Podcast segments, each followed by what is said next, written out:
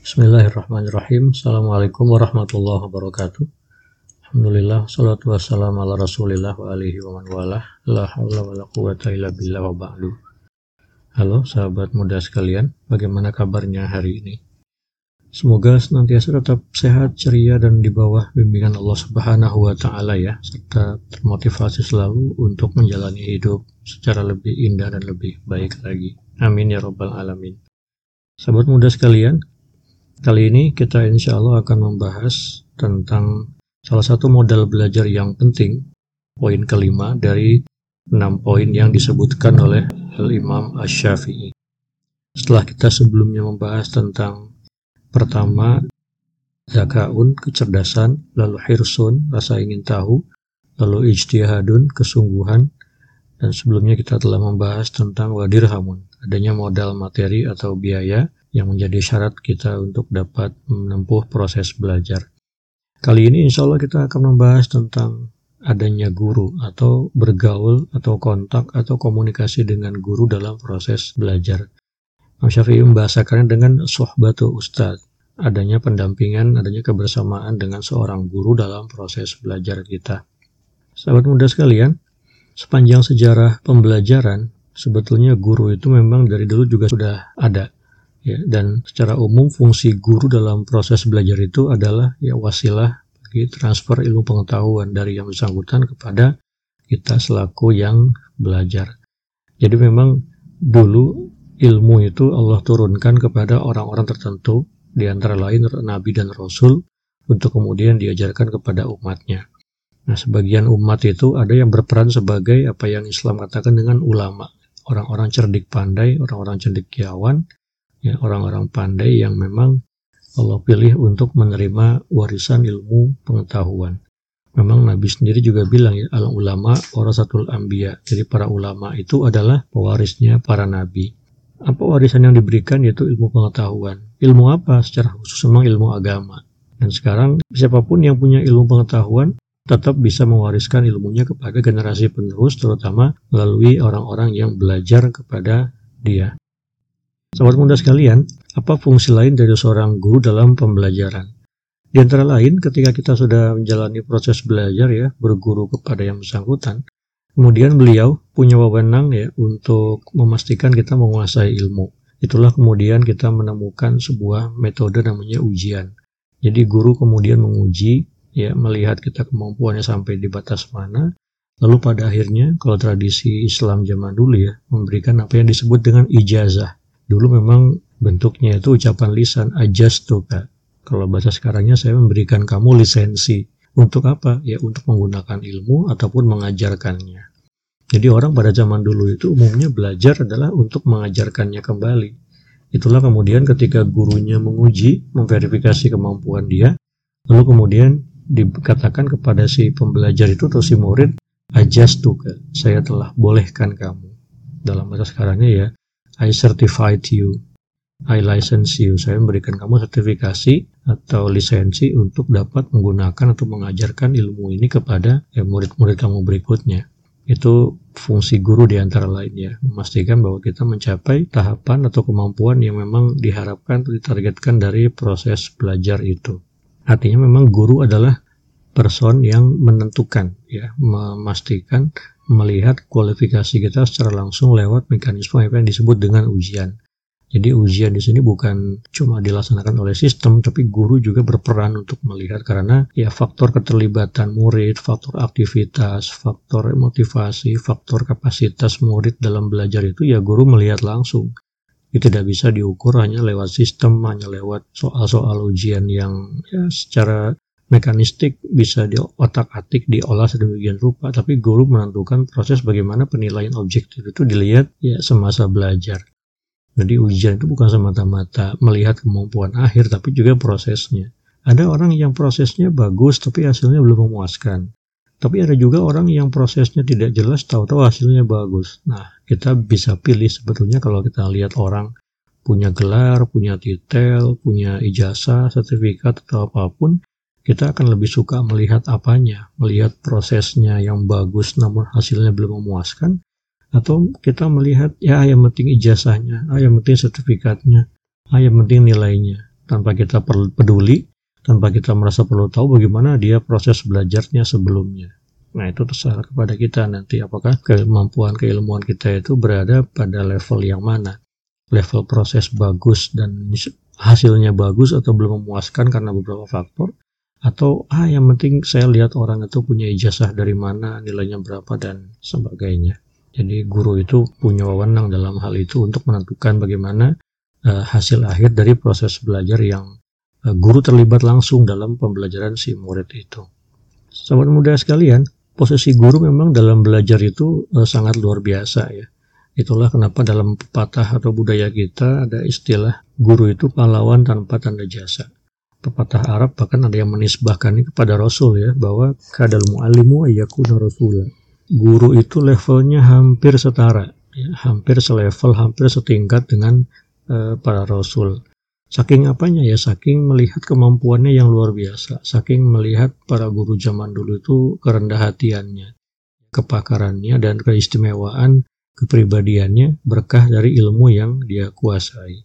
Itulah kenapa pada akhirnya para guru layak mendapatkan penghormatan, layak mendapatkan penghargaan dan ya pemuliaan dari para muridnya atau orang-orang di sekitarnya para ulama atau para ilmuwan kemudian menjadi pelita, jadi penerang kehidupan masyarakat dengan bimbingan mereka, dengan pengetahuan mereka, dengan arahan mereka terhadap masyarakat supaya ya, menjalani hidup dengan baik dan benar gitu. Apalagi orang-orang yang menguasai ilmu agama atau ilmu keislaman, para ulama dalam hal ini, orang-orang yang sepatutnya mendapatkan penghormatan dan penghargaan di tengah masyarakatnya.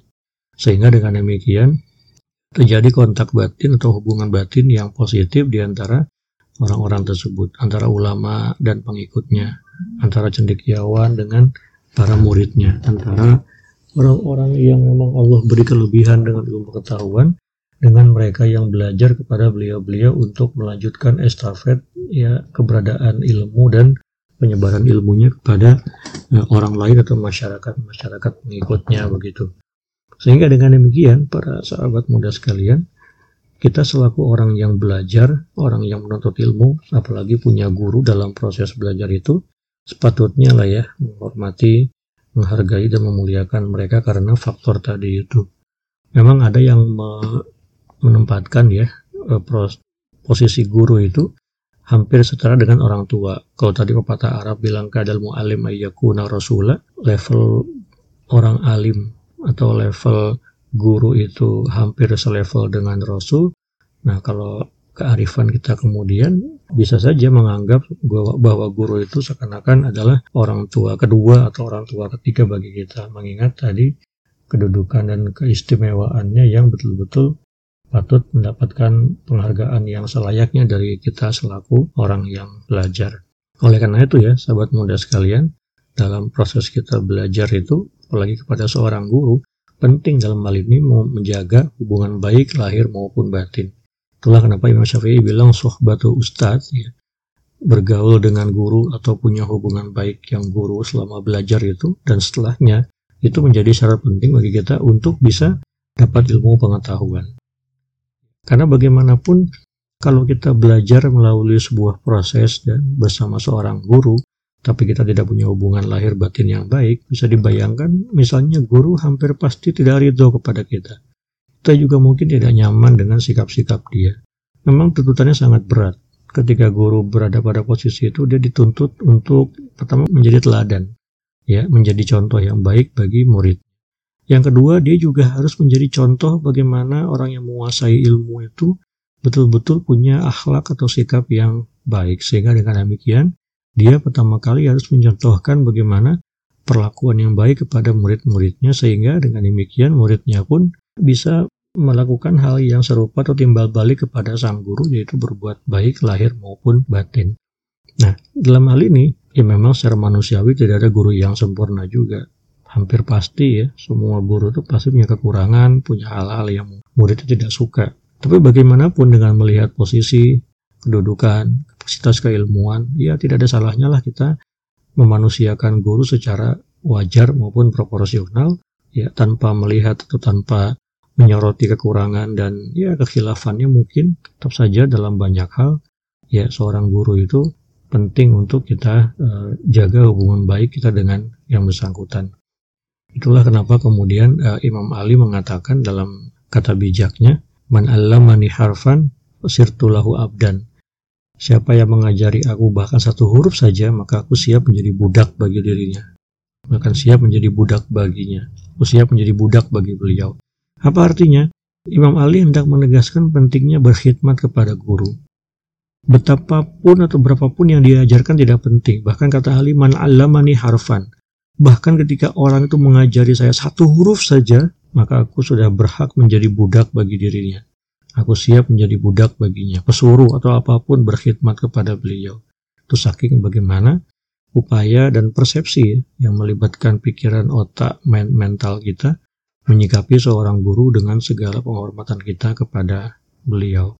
Itulah kenapa keridoan guru boleh jadi akan ikut menentukan apakah ilmu kita ini berkah atau tidak. Nah ini sahabat muda sekalian yang unik ya.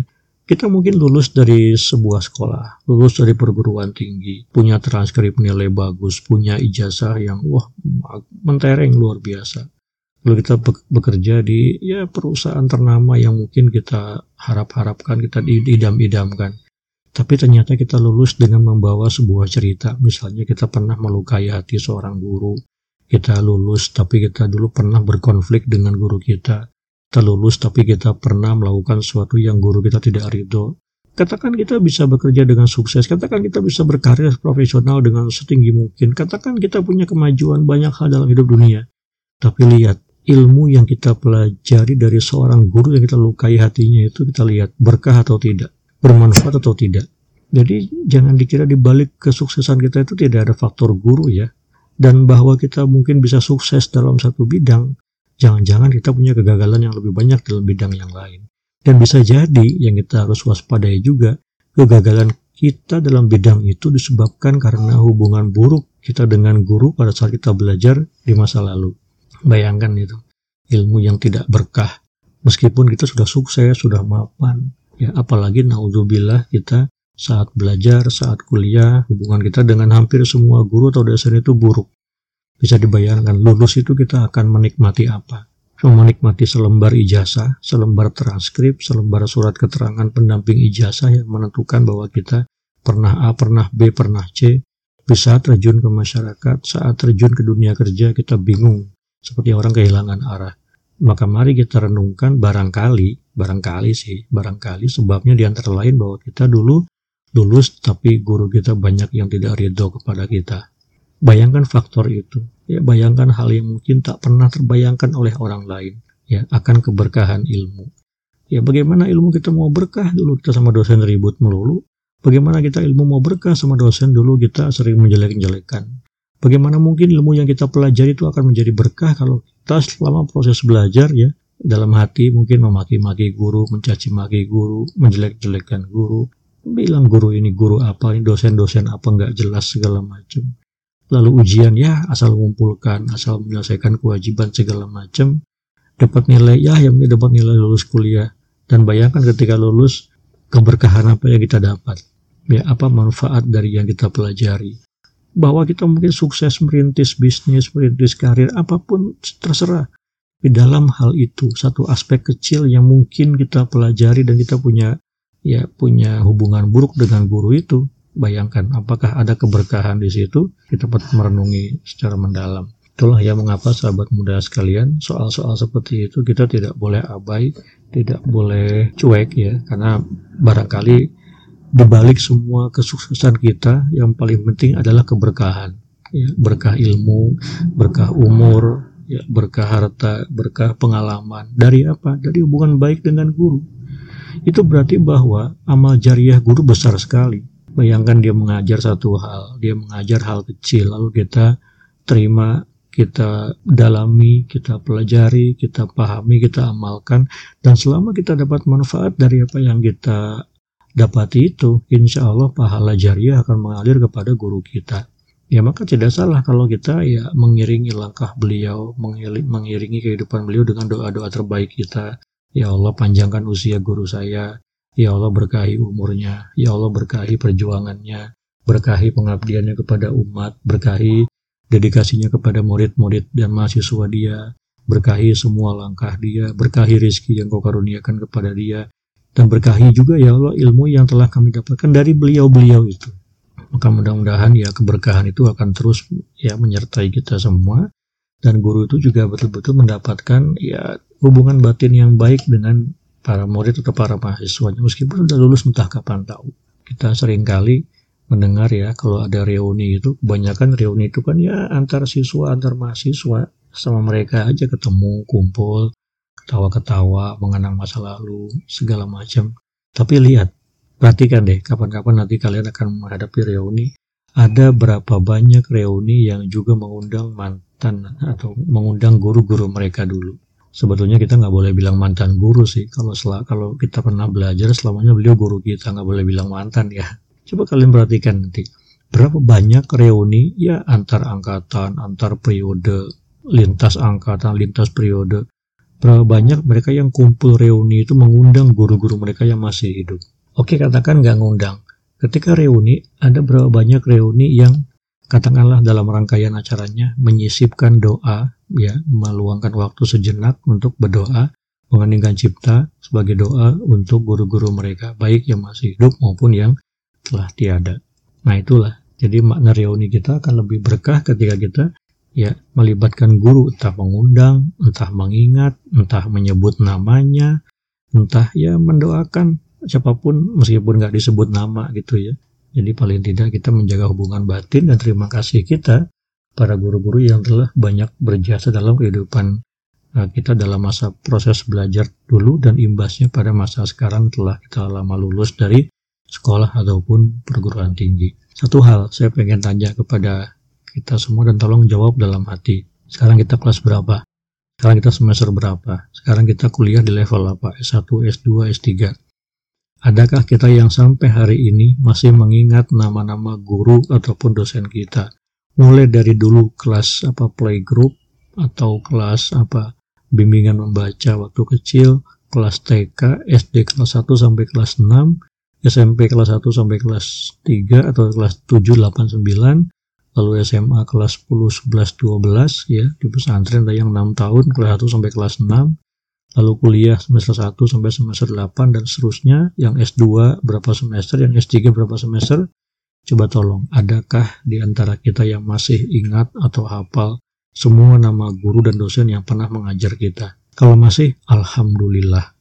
Saya katakan kalau kalian kalau kita masih mengingat nama-nama guru kita dari mulai kita sekolah pertama kali sampai kita sekolah terakhir terakhir kali sampai kuliah kita terakhir kalinya itu kalau kita masih ingat nama-nama guru maupun dosen kita saya bilang alhamdulillah. Kalian hebat anda luar biasa nama-nama guru bahkan masih diingat karena nggak sedikit loh ya banyak siswa mahasiswa yang selesai semester selesai kelas ganti kelas ganti semester dia bahkan sudah lupa dosen saya yang kemarin siapa namanya ya guru saya kemarin siapa yang ngajar ini ya kalau itu terjadi, saya katakan astagfirullahalazim. Telah renungkan ya, sahabat muda sekalian. Kalau kalian naik kelas, naik semester, lulus sekolah, lulus kuliah, ditanya kemarin yang ngajar kamu mata pelajaran ini, yang ngajar kamu kuliah ini, dosen siapa namanya? Kalian bilang, aduh lupa, saya nggak tahu. Saya katakan istighfar lah. Istighfar, sahabat muda sekalian. Istighfar. Sujud astagfirullahalazim. Ya Allah, saya lupa nama guru saya. Saya lupa nama dosen saya. Ya Allah, saya lupa nama orang yang telah memberi saya ilmu. Ya Allah, saya takut kehilangan berkah ilmumu yang kau turunkan lewat dia. Tolong deh sahabat muda sekalian ya. Kalau kita udah selesai kuliah, selesai belajar, lulus sekolah, ditanya, guru kamu yang ngajar sejarah siapa kemarin? Yang ngajar kuliah ini siapa kemarin? Aduh maaf saya lupa, udah nggak ingat lagi. Habiskan kuliah udah selesai, udah lulus. Saya katakan istighfar lah.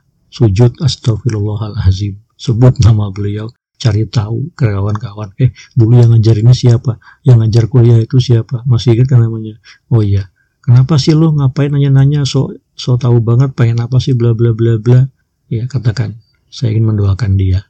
Katakan terus terang saya ingin mendoakan beliau. Saya ingin kirim doa buat beliau supaya apa? Ya supaya berkah ilmu saya. Biarkan kawan bilang ah banget sih lo ah gitu aja dipentingin segala macam. Terserah kawan. Terserah silakan dia mau bilang apa, tapi yang jelas kita harus punya prinsip bahwa guru betapapun kecil sedikit yang diajarkan tetap itu ada manfaat dan gunanya bagi kita semua dalam perjalanan kita ke depannya. Jadi sahabat muda sekalian, mudah-mudahan ya podcast ini mengingatkan kita untuk kembali ke masa lalu dengan ya, cara kembali yang indah, cara kembali yang baik. Apa caranya? Memuliakan guru-guru kita, mendoakan guru-guru kita, memastikan kita punya hubungan yang baik lahir maupun batin, dan kita senantiasa menjaga hubungan batin dengan beliau meskipun namanya cuma kita sebut, meskipun ya kita nggak pernah ketemu lagi, tapi setidaknya doa-doa kita tidak pernah putus untuk beliau-beliau sebagai bakti dan terima kasih kita atas segala jasa di masa lalu yang tidak pernah beliau mintakan imbal baliknya kepada kita semua. Ya, jadi ya terserah kalau kita masih bisa ketemu guru dulu ya mau ngasih apa pun, mau ngasih materi silakan.